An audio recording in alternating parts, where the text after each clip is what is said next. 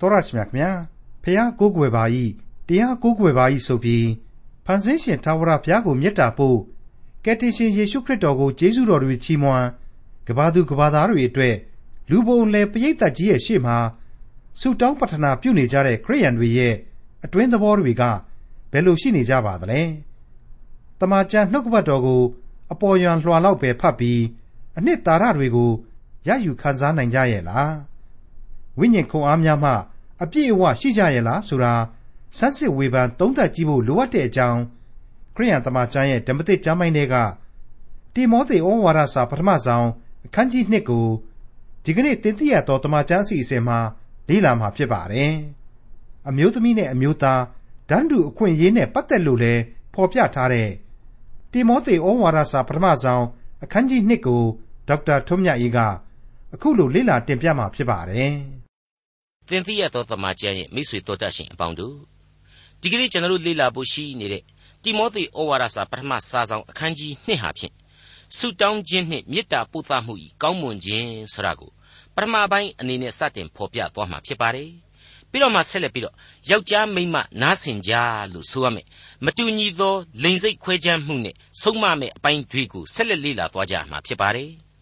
ဖျားသခင်ထံမှဝိညာဉ်ခွန်အားကိုတောင်းခံရင်းနဲ့တိမောသေဩဝါဒစာပထမစာဆောင်အခန်းကြီး2အငယ်1မှ2ကိုစတင်နားဆင်ကြည့်ကြပါအောင်စို့။ငါတို့သည်ဖျားဝတ်၌မွေလျော်ခြင်းလျှောက်ပတ်စွာကျင့်ခြင်းအမျိုးမျိုးကိုပြု၍ငြိမ်ဝတ်စိတ်ညံစွာနေရမည်အကြောင်း ရှင်ဘရင်မှစ၍မင်းအာနာရှိသောသူအပေါင်းတို့နှင့်လူအမျိုးမျိုးတို့အဖို့ဆုတောင်းပတနာပြုခြင်းမေတ္တာပို့ခြင်းကျေးဇူးတော်ကိုချီးမွမ်းခြင်းကိုရှေးဥစွာပြုစေခြင်းဟာငါတိုက်တွန်းသွေးဆောင်၏ဖျားဝတ်၌မွေလျော်ခြင်းတင့်တယ်လျှောက်ပတ်စွာကြင့်ကြံပြုမှုခြင်းနဲ့ငြိမ်ဝတ်စိတ်ညံခြင်းတဲ့အဲ့ဒီငြိမ်ဝတ်စိတ်ညံစွာရှိခြင်းဆိုတာကိုအင်္ဂလိပ်က quiet and peaceable ဆိုပြီးတော့ဖော်ပြပါတယ်စကားများရန်ဖြစ်တာတွေမရှိဘူး ငြိမ်းချမ်းတယ်ဒုက္ခချမ်းသာခြင်းလည်းရှိတယ်အဲ့ဒီအရမှာနားကျင်စရာခိုးကျင်စရာကောင်းတယ်ဆိုတဲ့အဓိပ္ပာယ်တွေနဲ့ပြည့်ဝနေပါတယ်အဲ့ဒီလိုဖြစ်နိုင်စေဖို့ရန်အတွက်ရှင်ဘရင်မှစ၍မင်းအာနာရှိသူအပေါင်းနဲ့တကွလူအမျိုးမျိုးတို့အဖို့ပါဆုတောင်းပတနာပြုပြီးတော့ပေးကြပါမေတ္တာပို့ကြပါကျေးဇူးတော်ကိုချီးမွမ်းခြင်းများတို့ပြုကြပါတဲ့အဲ့ဒီလိုဆုတောင်းပြီးတော့ကျေးဇူးတော်ချီးမွမ်းကြရမှာလေအဲ့ဒီအမှုတော်ဟာ ဦးစားပေးအမှုတော်တစ်ခုအဖြစ်အထူးပြုဖို့လိုအပ်ပါတယ်တဲ့ဒါသိမှန်ပါလေကိုတိုင်းပြည်ကြီးမငြိမ်းချမ်းရင်ကိုလည်းဘယ်လိုငြိမ်းချမ်းမှာတော့အဲ့ဒီတိုင်းပဲပေါ့ကိုတိုင်းပြည်ကြီးကြက်တည်မရှိဘူးဆိုပြန်ရင်လေကိုလည်းလိုက်ပြီးတော့အလိုလိုကြက်တည်မရှိဘူးဒါကြောင့်မလို့အုတ်ချုပ်သူမင်းများအမှုတန်းများအတွက်ဆုတောင်းမေတ္တာပို့သပေးရမယ်တိုင်းသူပြည်သားအားလုံးတို့အတွက်လည်းဆုတောင်းမေတ္တာပို့သရမယ်တဲ့မိษွေတော်တတ်ရှင်များအနေနဲ့ဓမ္မရာဇဝင်များအပါအဝင် လူအဖွဲ့အစည်းကြီးတစ်ခုလုံးရဲ့ဓမ္မသမိုင်းသင်ခန်းစာပေါင်းမြောက်များစွာကိုတွေ့ရှိခဲ့ရပြီးပါပြီဣသရေလသမိုင်းမှာဆိုရင်နိုင်ငံကြီးနှစ်ချမ်းကွဲပြီးတော့မင်းအပါပေါင်း39ပါအုပ်စိုးခဲ့တာကိုတွေ့ရပါတယ်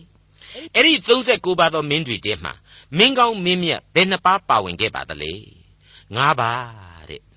ရှစ်ပုံပုံတပုံပေါ့တမျိုးကြီးဖြစ်မနေဘူးလားအဲ့ဒီတော့လူအဖွဲ့အစည်းကြီးတစ်ခုလုံးကိုကိုစားပြုထားတဲ့ဘုရားသခင်ဓမ္မသမိုင်းစင်မြင့်ပေါ်ကလူမျိုးတော်ရဲ့လူအဖွဲ့အစည်းဟာ ဘလောက်ကြီးအခြေအနေဆိုးခဲ့သလဲဆိုတာကိုစဉ်းစားတာကြည့်ကြပြီတော့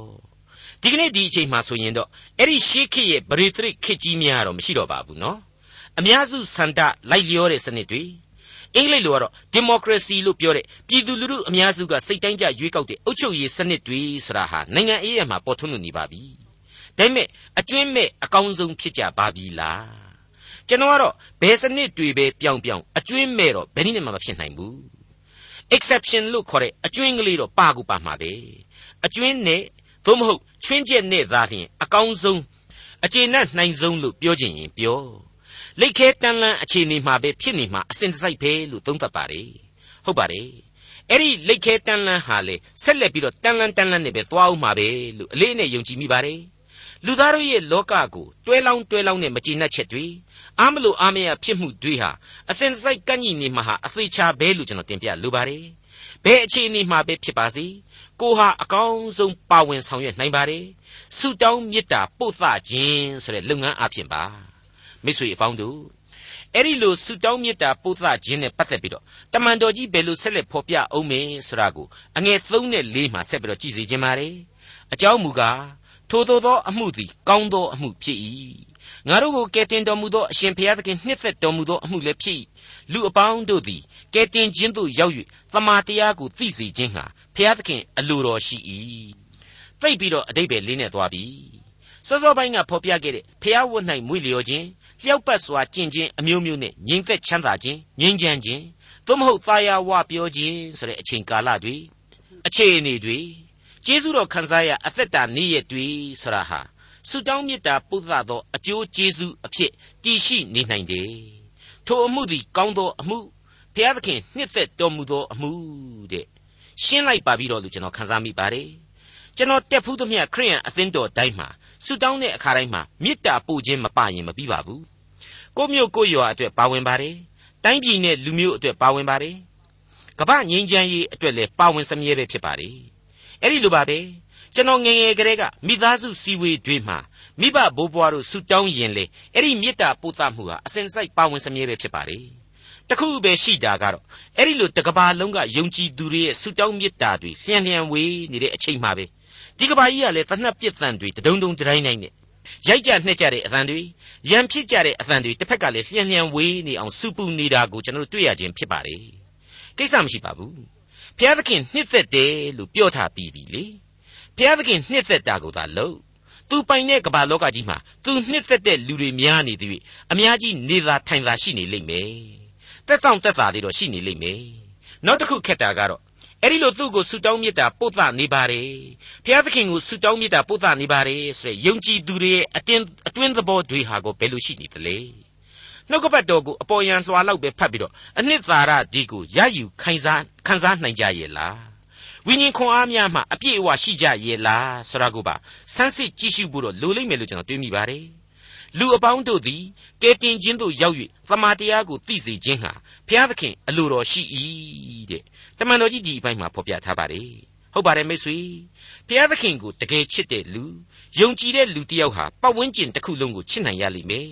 ယုံကြည်ခြင်းပြင်းပြစွာနဲ့ကယ်တင်ခြင်းအလင်းတရားကိုအမှောင်လောကအတွင်းမှာဝေမျှနိုင်ရလိမ့်မယ်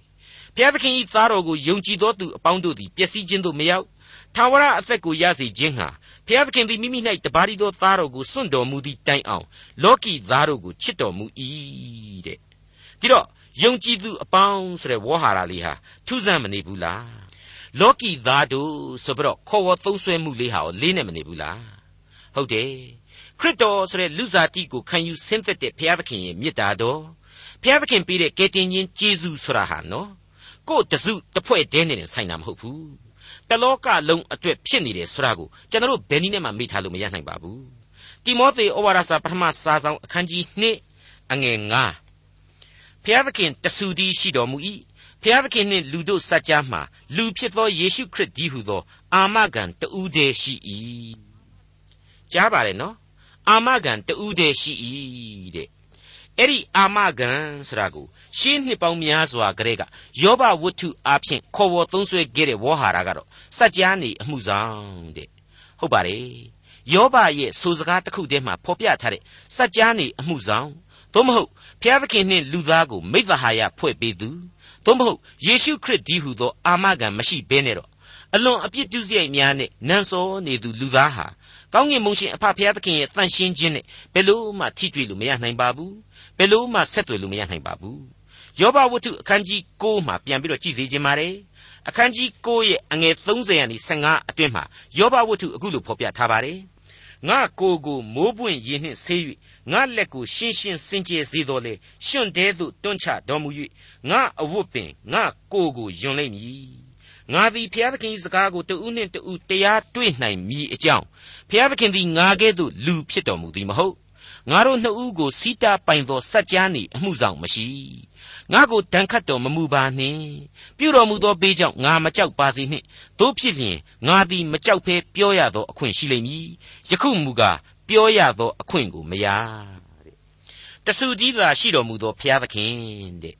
အဲ့ဒီတဆူတဲသောဘုရားသခင်နဲ့လူတို့ရဲ့စัจ जा မှာလေအာမဂန်ဟာတူးတယ်ဖြစ်တော်မူတယ်တဲ့အဲ့ဒါကတော့တခြားမဟုတ်ဘူးကယ်တင်ရှင်သခင်ခရစ်တော်ပဲလို့တမန်တော်ကြီးကဖော်ပြလိုက်ပါတယ်အမှန်တော့ယေရှုအားဖြင့်အပြစ်သားလူသားဟာအရာရာကိုတတ်ဆွနိုင်ပါတယ်ကယ်တင်ခြင်းကိုခံယူရရှိနိုင်ပါတယ်ထာဝရအသက်ကိုလည်းရယူနိုင်တယ်ဆိုတဲ့အတိတ်ဘဲတွေကိုဒီနေရာမှာတမန်တော်ကြီးရှင်ပေါလုဖော်ပြပေးလိုက်ခြင်းပဲဖြစ်ပါတယ် ဒီအတိုင်းတွေ့ရပြန်တဲ့အချက်တစ်ခုအနေနဲ့ကတော့တမန်တော်ကြီးရှင်ပေတရုဖော်ပြခဲ့တဲ့တမန်တော်ဝတ္ထုအခန်းကြီး၄အငယ်၁၂ကအချက်တစ်ချက်ဖြစ်ပါတယ်ထိုသခင်ဤနာမတော်မှတပါငါတို့ကိုကယ်တင်နိုင်သောနာမတစုံတစ်ခုမျှကောင်းကင်အောက်လူတို့တွင်မပေါ်မရှိဟုပေတရုသည်ထိုသူတို့အားမွဲ့ဆို၏တဲ့သောတာရှင်မိတ်ဆွေအပေါင်းတို့ခမညာကယ်တင်ရှင်သခင်ခရစ်တော်ကြီးဟုသောလောကရဲ့တခုတည်းသောမျှော်လင့်စရာသခင်အကြောင်းကိုအခုလိုဖော်ပြတဲ့အခါမှာကျတော့ အဲ့ဒီလိုတခုတည်းသောမျှော်လင့်ခြင်းအရှင်ဆိုပြီးပြောရတာဟာသိပ်ပြီးတော့များဝန်လေးစရာကောင်းနေပါသလားယုံကြည်သူတို့အနေနဲ့သိပ်ပြီးတော့များကြွားဝါရာရောက်နေပါသလားအတင်းကိုယ့်ဘက်ကိုကိုဆွဲပြီးတော့ပြောနေရများရောက်နေသလားဆိုပြီးတော့မထင်စေချင်ပါဘူးအကယ်၍သာကဲတင်ခြင်းဆိုတာရှိကိုရှိတယ်သေရပြီးသောအခြားမဲ့၌ထာဝရအသက်ဆိုတာရှိကိုရှိတယ်လို့ခံယူမယ်ဆိုရင်တော့လူတိုင်းလူတိုင်းဟာမျှော်လင့်ချက်ဆိုတာရှိကိုရှိရမယ်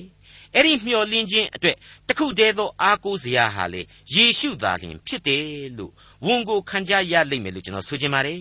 ဟုတ်ပါတယ်မိတ်ဆွေတခြားရွေးစရာလမ်းဘယ်မှာရှိပါသလဲဘယ်မှမှမရှိပါဘူး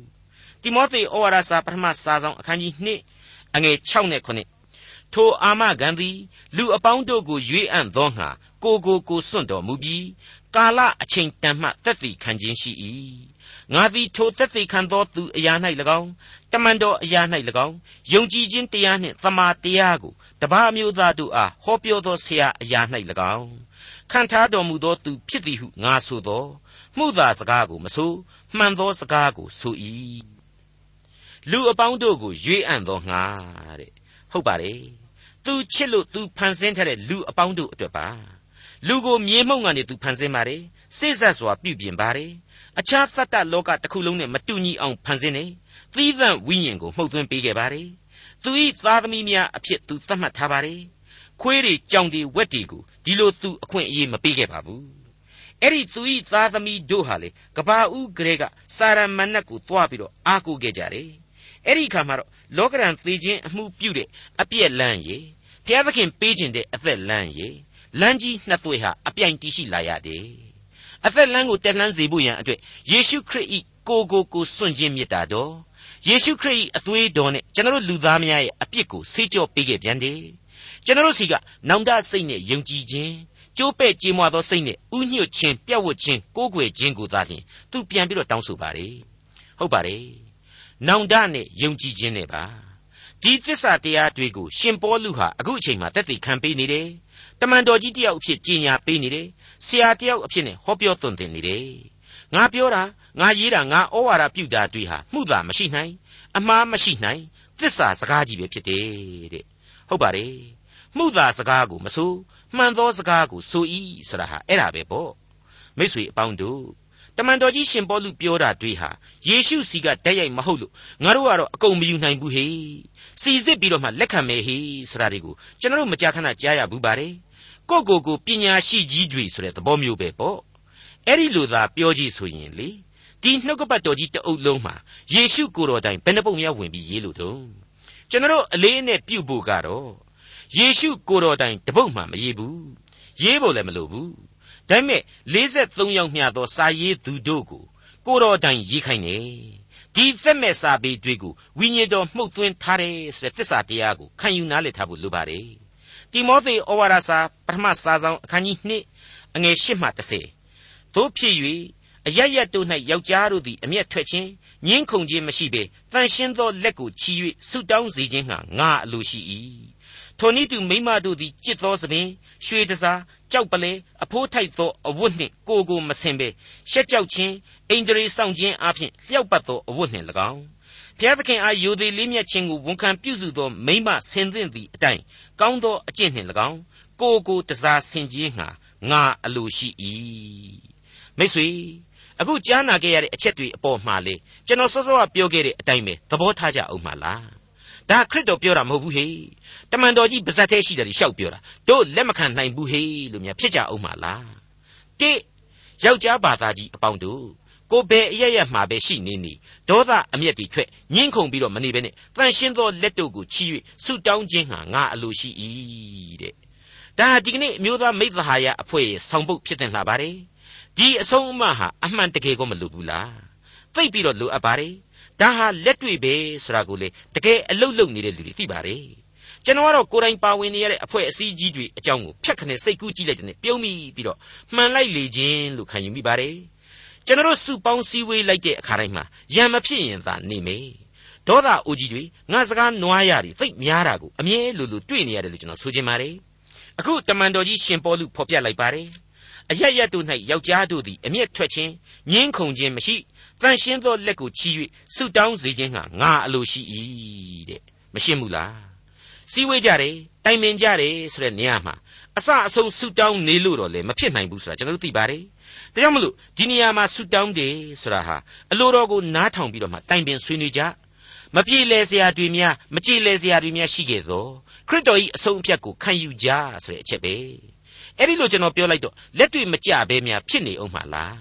တမန်တော်ကြီးရှင်ပေါလုပေတရုဘာနဘယောဟန်စတဲ့ပုဂ္ဂိုလ်ကြီးတွေရဲ့ကြားမှာကိုအမြဲတမ်းပြည်လည်နေခဲ့ကြလို့လားလူသားတွေပြီးပြီးအရှိန်ပြင်းပြင်းလေးပြောရဆိုရတာလေးတွေ အကုန်လုံးလက်ညှိုးတောင်ခေါင်းညှိတ်မလုံနိုင်တာကလေးတွေမရှိကြရတော့ဘူးလားဆိုပြီးတော့စောရကတက်စရာတွေတွေ့လာလိမ့်မယ်ထင်ပါတယ်ဘာမှစောရကတက်စရာမလိုပါဘူးအသင်းတော်ရဲ့အခြေခံမူဖြစ်တဲ့ဧဝံဂေလိဝမ်းမြောက်ဖွယ်ကယ်တင်ရှင်တရားအခြေခံကိုထိခိုက်မဲ့ကိစ္စမျိုးလားပြတ်သက်ကြီးကိုမိဆွဲလောင်မဲ့ကိစ္စကြီးမျိုးလားအသင်းတော်မြေကြီးကိုအကျူးကျော်ခံရမဲ့ကိစ္စကြီးလားရောင်းစားမဲ့ကိစ္စကြီးမျိုးလား အဲ့ဒီလိုမေမေရရကိစ္စကြီးတွေအတွက်ဆိုရင်တော့အပြိုင်အဆိုင်ပို့ပြီးတော့ကောင်းတဲ့အဖြေကိုရှာဖို့စကားပြောကြ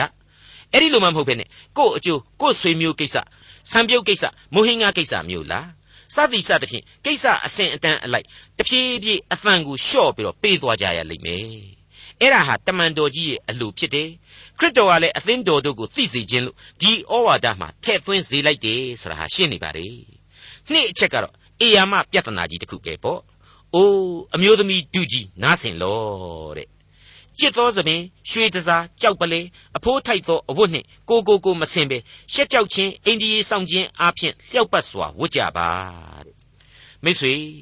အဲ့ဒီခေတ်ကာလအေဖက်ကောရိန္သုဆိုတဲ့အရက်တွေမှာနတ်ကိုးကွယ်မှုတွေဟာကာမဂုဏ်အာယုံခံစားမှုတွေနဲ့ပါတွေးရောရှက်တင်ဖြစ်နေခဲ့တယ်လို့သမိုင်းကဆိုပါတယ်။ Aphrodite လို့ခေါ်တဲ့နတ်ကွန်ကြီးတွေ Diana ဆိုတဲ့နတ်ကွန်ကြီးတွေမှာဆိုရင်နတ်သမမိန်းမတွေဟာဘဝပြည့်နေကြပြီးတော့အဲ့ဒီခေတ်မှာခေတ်မီယုံသားမကခေတ်လွန်လောက်အောင်သပင်တွေပုံစံအမျိုးမျိုးအမွှေးနှံသားတွေအမျိုးမျိုးအဖို့အစားတွေပေါ်ပေါ်လော်လော်တွေအမျိုးဝတ်ဆင်ပြီးတော့လာသမျှလူတွေကိုဧကန်ကြတယ်လို့သမိုင်းကဆိုပါတယ်။အဲ့ဒီနောက်ခံသမိုင်းတွေပေါ်မှာမူတည်ပြီးတော့ဒီဩဝါဒစာတွေမှာမိန်းကလေးတို့ရဲ့လှပခြင်းတဲ့စိတ် ဝတ်ကျင်စားခြင်းတဲ့စိတ်တွေကိုတမန်တော်ကြီးဟာအခုလိုဆုံးမနေတာပဲဆိုတာကိုကျွန်တော်တို့ခံယူထားဖို့လိုပါတယ်ဒါဆိုရင်အဲ့ဒီခေတ်ကအဆုံးအမဟာဒီကနေ့ခေတ်မမီတော့ဘူးလားမဟုတ်ဘူးအခုခေတ်အတွက်ပယ်ရမှားလားဆိုတော့မဟုတ်ဘူးလုံးဝတမန်တော်ကြီးရဲ့အဆုံးအမဟာခေတ်မီပါတယ်အလွန်တန်ဖိုးရှိသောဩဝါဒလည်းဖြစ်နေတယ်လို့ကျွန်တော်ဆိုချင်ပါတယ်နောက်ဆက်တွဲဖော်ပြလာတာကိုကြည်ပါ ဘုရားသခင်ကိုယိုသေးလေးမြတ်ခြင်းကိုတန်ဖိုးထား၍ခရိယံပြီးသားသောမိမများပြီးပြီးကောင်းသောအကျင့်များနဲ့ကိုကိုကိုတစားဆင်စေဖို့ရန်ငါအလိုရှိပါတည်တယ်။တနည်းအားဖြင့်ဘာကိုဆိုလိုတလဲ။အပေါ်ယံရွှေမုံကျဲတာမျိုးတဲ့အတွင်းစိတ်သဘောတို့မှာကောင်းသောစိတ်သဘောများရှိကြပါစေဆိုတဲ့အချက်ကိုပေါ်လွင်အောင်လို့တမန်တော်ကြီးအခုလိုဆိုဖွဲ့ထားတာပါပဲ။အသေးစိတ်မှတ်မိအောင်လို့အငယ်9နဲ့10ကိုပူးတွဲပြီးတော့ပြန်ဖတ်ကြည့်ပါ။ ထိုနည်းတူမိမတို့သည်ကြစ်သောသပင်ရွှေတစားကြောက်ပလဲအဖိုးထိုက်သောအဝတ်နှင့်ကိုကိုမဆင်ပေရှက်ကြောက်ခြင်းအိန္ဒြေဆောင်ခြင်းအပြင်လျှောက်ပတ်သောအဝတ်နှင့်၎င်းဘုရားသခင်အားယိုသေးလေးမြတ်ခြင်းကိုဝန်ခံပြုစုသောမိမဆင်သင့်သည့်အတိုင်းကောင်းသောအကျင့်နှင့်၎င်းကိုကိုတစားဆင်စေခြင်းဟာငါအလိုရှိ၏တဲ့ရှင်းရှင်းကလေးပါရှက်ကြောက်เสียအဖြစ်မခံကြပါနဲ့တင့်တယ်လျှောက်ပတ်စွာဝတ်ပါ အတွင်းစိတ်ရဲ့အလှကိုပို့ပြီးတော့တန်ဖိုးထားဆင်မြန်းပါဘုရားသခင်ကိုယိုသေးသူဘုရားသခင်အလိုတော်အတိုင်းရှင်သန်နေထိုင်သူပြပြသသနေပါတဲ့အဲ့ဒီအချက်တွေကိုဖော်ပြနေပါတယ်ဘယ်ဘက်ကမှအစွန်းမရောက်တဲ့ဩဝါဒလက်တွေ့ကျတဲ့ဩဝါဒများသာဖြစ်ပါတယ်စကလုံးတစ်လုံးချင်းကိုအထအနာကောက်ပြီးဆွဲယူရမယ့်အချက်တွေမဟုတ်အထက်ကအမျိုးသားများကိုအရရက်တို့၌မငင်းမခုံအမျက်မထွက်ပဲဆူတောင်းခြင်းပြုကြပါဆိုတဲ့သဘောအတိုင်းပဲ အလွန်အလွန်တပ်ပါရမျှတတဲ့အဆုံးအမများဖြစ်တယ်လို့တင်ပြအပ်ပါတယ်။တိမောသေဩဝါဒစာပထမစာဆောင်အခန်းကြီး2အငယ်7နဲ့7မိမသည်အုပ်ဆိုးခြင်းကိုအစဉ်ဝန်ခံ၍တိတ်ဆိတ်စွာသင်စေမိန်းမသည်ဆုံးမဩဝါဒပေးခြင်းယောက်ျားကိုအစိုးတရားပြုစီခြင်းအခွင့်ကိုငါမပေးသူသည်တိတ်ဆိတ်စွာနေအပ်၏ခံယူတတ်မဲ့သာဆိုရင်တော့အလွန်အလွန်တန်ဖိုးရှိတဲ့ဩဝါဒပါ ကောရိန္သုဩဝါဒစာပထမစာဆောင်အခန်းကြီး14အငယ်34မှ36အတွင်ဖော်ပြချက်နဲ့ရှင်ပြီးတော့နားဆင်ကြည့်စီခြင်းပါတယ်သင်တို့ဤမိမတို့သည်အသင်းတော်၌တိတ်ဆိတ်စွာရှိနေကြစေသူတို့သည်ဟောပြောရသောအခွင့်မရှိကြပြည့်ညတ်တရားစီရင်သည့်အတိုင်းသူတို့သည်ယောက်ျားဤအုပ်ဆိုးခြင်းကိုဝန်ခံရကြမည်မိမတို့သည်တစုံတစ်ခုကိုသင်လို့ဖြင့်အိမ်၌မိမိခင်ပွန်းတို့ကိုမေးမြန်းကြစေ မိမသည်အသင်းတော်၌ဟောပြောလျင်ရှက်ဖွယ်သောအကြောင်းဖြစ်၏ဘုရားသခင်နှုတ်ကပတ်တရားတော်သည်သင်တို့မှထွက်သလောသို့မဟုတ်သင်တို့သို့သာရောက်သလောတဲ့မိတ်ဆွေအပေါင်းတို့တမန်တော်ကြီးရှင်ပေါလုကိုတော်တိုင်ဟာသူ့ရဲ့တမန်တော်ဘဝခရီးစဉ်တွေတဲကအမျိုးသမီးတို့ရဲ့ဥဆောင်နိုင်မှုစွန့်ပကကန္တာတစ်ခုကိုအမျိုးသမီးတွေနဲ့သက်ဆိုင်တဲ့ကန္တာကြီးတစ်ခုကိုတွေ့ခဲ့ရကြုံခဲ့ရပြီဖြစ်ပါတယ်ဟုတ်ပါတယ် တမန်တော်ဝတ္ထုအခန်းကြီး21အငယ်9ကနေ10အတွင်းမှာပြန်ပြီးတော့ကြည့်စီခြင်းပါတယ်တူရုမြို့မှပတောလင်မြို့သို့ရောက်လျင်ပင်လေကူးခြင်းနှင့်လွတ်ကြ၏ပတောလင်မြို့၌ညီအကိုတို့ကိုနှုတ်ဆက်၍တရက်နေပြီးမှနက်ဖြန်နေ့၌ထွက်သွားပြန်၍ကဲသရီမြို့သို့ရောက်လျင်ဆရာခုနှစ်ပါးအဝင်သာသနာပြုဆရာဖိလိပ္ပု၏အိမ်သို့ဝင်၍နေကြ၏ထိုသူ၌ပရောဖက်ပြုသောသမီးကညာ၄ယောက်ရှိ၏ထိုအိမ်၌တာရှည်စွာနေကြပြီးမှ အာဂပုအမည်ရှိသောပရောဖက်တယောက်သည်ယူဒပြည်မှလာ၍ငါတို့ရှိရာသို့ဝင်သဖြင့်ပေါလု၏ကပန်းကိုယူ၍မိမိခြေလက်ကိုချီနှောင်ပြီးလျှင်ဤကပန်းရှင်ကိုယူဒလူတို့သည်ယေရုရှလင်မြို့၌ချီနှောင်၍တပါးမျိုးသားတို့လက်သို့အနှံကြလိမ့်မည်ဟုတန်ရှင်းသောဝိညာဉ်တော်မိန့်တော်မူသည်ဟုဆို၏ကြားတဲ့အတိုင်းပါပဲကဲသရိမြို့ကိုဝင်နေအဲ့ဒီကဲသရိအရက်မှာသာသနာပြုဆရာဖိလိပ္ပု၏အိမ်မှာကြာရှည်ကြာညောင်းနေတယ်ဖိလိပ္ပု၌ ပရောဖက်ပြုသောသမီးကညာ၄ယောက်တောင်မှရှိတယ်တဲ့မိမပရောဖက်တွေရဲ့အဲ့ဒီအိမ်မှာပဲတမန်တော်ကြီးဟာရက်အတန်ကြာနေအတော်ကြာရှည်စွာခိုနာခဲ့ရတယ်ဆိုတာကိုတွေ့ရတယ်တမန်တော်ကြီးဟာသူ့ရဲ့အမြင်ခံယူချက်တွေနဲ့ပတ်သက်ရင်ဘယ်တော့မှအလျှော့ပေးတတ်တဲ့လူမျိုးမဟုတ်ဘူးဒါပေမဲ့အဲ့ဒီကဲသရီရောက်တဲ့အချိန်မိန်းကလေးတွေအမှုတော်မဆောင်ရဘူးဟေ့ပရောဖက်မပြုတ်ရဘူးဟေ့ဆိုတာမျိုးပြောသလားမပြောပါဘူးမပြောတဲ့အပြင်သူအဲ့ဒီအရက်မှာအကြာကြီးတောင်မှနေခဲ့သေးတယ်တဲ့ ဒီတော့ကောရိန္သုအေဖက်တို့ကိုအခုလိုဝေဖန်တာဟာအကြောင်းတစ်ခုခုရှိနေပြီတားမြစ်တာဟာခိုင်လုံတဲ့အကြောင်းတစ်ပါးပါရှိနေပြီဆိုတာဟာထင်ရှားနေပြီဘာတွေဖြစ်နိုင်ပါသလဲအဲ့ဒီအရက်နတ်ကွန်းတွေမှာမိမတွေယုံယုံယုံယုံဖြစ်နေတာမျိုးအသင်းတော်ကိုအထင်မခံနိုင်ဘူးအဲ့ဒီအရက်ဒေသတွေမှာမိမတွေသိက္ခာအကြီးအကျယ်ကျနေတော့မိမတွေကိုခေါင်းဆောင်ဖို့မသင့်လျော်ဘူးမတင့်တယ်ဘူးစတဲ့စတဲ့အခြေအနေတစ်ခုခုကြောင့်ဖြစ်ရလိမ့်မယ် အဲ့ဒီလိုဒေသနဲ့အခြေအနေပေါ်မှာမူတည်ပြီးပြောလိုက်တဲ့အတွက်ကြောင့်ဒီအဆိုးအမိန်ဟာကိုဒီကနေ့အထိကိုအကျုံးမဝင်ဘူးလို့ပြောနိုင်သလားဆိုပြန်ရင်လေအဲ့ဒီလိုမဟုတ်ပြန်ဘူးဒီကနေ့တိုင်အောင်ဆက်ဆက်ပြီးတော့စဉ်းစားစရာအချက်တွေအများကြီးရှိနေတယ်တခြားမဟုတ်ဘူးလူအဖွဲ့အစည်းအတွင်းမှာမိမများကယောက်ျားများကိုအစိုးတရားမလုပ်နဲ့ဩဇာမပေးနဲ့ဆိုတာဟာယောက်ျားတွေကိုယောက်ျားပြည်ပြီးနေကြထိုင်ကြဖို့ဩဝါဒပြုလိုက်တယ်အတူတူပဲလို့ကျွန်တော်ခံယူတယ် အေဖက်ဩဝါဒမှာကလေးကကျွန်တော်မြင်ခဲ့ရတဲ့အတိုင်းပါပဲမိမတွေအနေနဲ့ကို့ခင်ပွန်းရဲ့အုပ်စိုးခြင်းကိုဝန်ခံ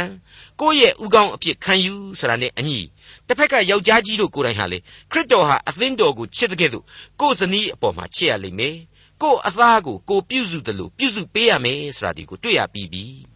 အေဖက်ဩဝါဒစာအခန်းကြီး9မှာလေအချင်းမိမ့်မာတို့သခင်ဖျားဤအုပ်ဆိုးတော်မူခြင်းကိုဝန်ခံတဲ့ကဲ့သို့ကိုခင်ပွန်းဤအုပ်ဆိုးခြင်းကိုဝန်ခံကြလော့ အကြောင်းမူကားခရစ်တော်သည်အသင်းတော်ဤအပေါ်မှာခေါင်းဖြစ်တော်မူတဲ့ကဲ့သို့ယောက်ျားသည်မိမိခင်ပွန်းအပေါ်မှာခေါင်းဖြစ်၏ခရစ်တော်သည်လည်းမိမိကိုယ်ကိုကယ်တင်တော်သူဖြစ်တော်မူ၏တဲ့တခါယောက်ျားတွေကြတော့လေအဲ့ဒီလိုပဲအချင်းယောက်ျားတို့ခရစ်တော်သည်အသင်းတော်ကိုချစ်တော်မူတဲ့ကဲ့သို့သင်တို့လည်းကိုခင်ပွန်းကိုချစ်ကြလော့ယောက်ျားတို့သည်မိမိကိုယ်ကိုချစ်တဲ့ကဲ့သို့မိမိခင်ပွန်းတို့ကိုချစ်ရကြမည်ခင်ပွန်းကိုချစ်တော်သူသည်ကိုယ်ကိုချစ်တော်သူဖြစ်၏အဲ့ဒီလိုကျွန်တော်တို့တွေ့ကြရပြီဖြစ်ပါတယ် အဲ့ဒီအခန်းကြီး9ရဲ့ဏိဂုံးပိုင်းမှာဆိုရင်လေတို့ရတွင်သင်တို့သည်အသီးအသီးကိုကိုကိုချစ်တဲ့ကဲ့သို့ကိုခင်ပွန်းကိုချစ်ကြလော့မိမသည်လေကိုခင်ပွန်းကိုယိုသေးခြင်းရှိစေလော့တဲ့ကဲနှုတ်ကပတ်တော်ရဲ့အဆုံးအမတွေကဘာများအစွန့်ရောက်တာရှိလို့တော့ဒါဟာသဘာဝတရားပဲဒီသဘာဝတရားကိုဘုရားသခင်လိုချင်နေ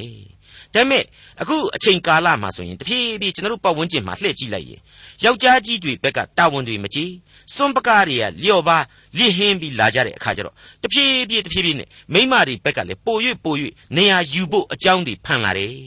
ဘုရားသခင်ပေးထားတဲ့သဘာဝတရားဟာလေမသိမသာဖောက်ပြန်ပြောင်းလဲလာတယ်အားပြော့လာတယ်ဒါကိုလေလူသားဟာနှုတ်ကပတ်တော်ကိုစိစိဖတ်ရှုအလိုတော်ကိုရှာဖွေစဉ်းစားရင်းနဲ့ပို့ပြီးတော့ဝိညာဉ်ခွန်အားရယူနိုင်ဖို့အကြောင်းပဲဖြစ်တယ်လို့ကျွန်တော်ခံယူပါတယ်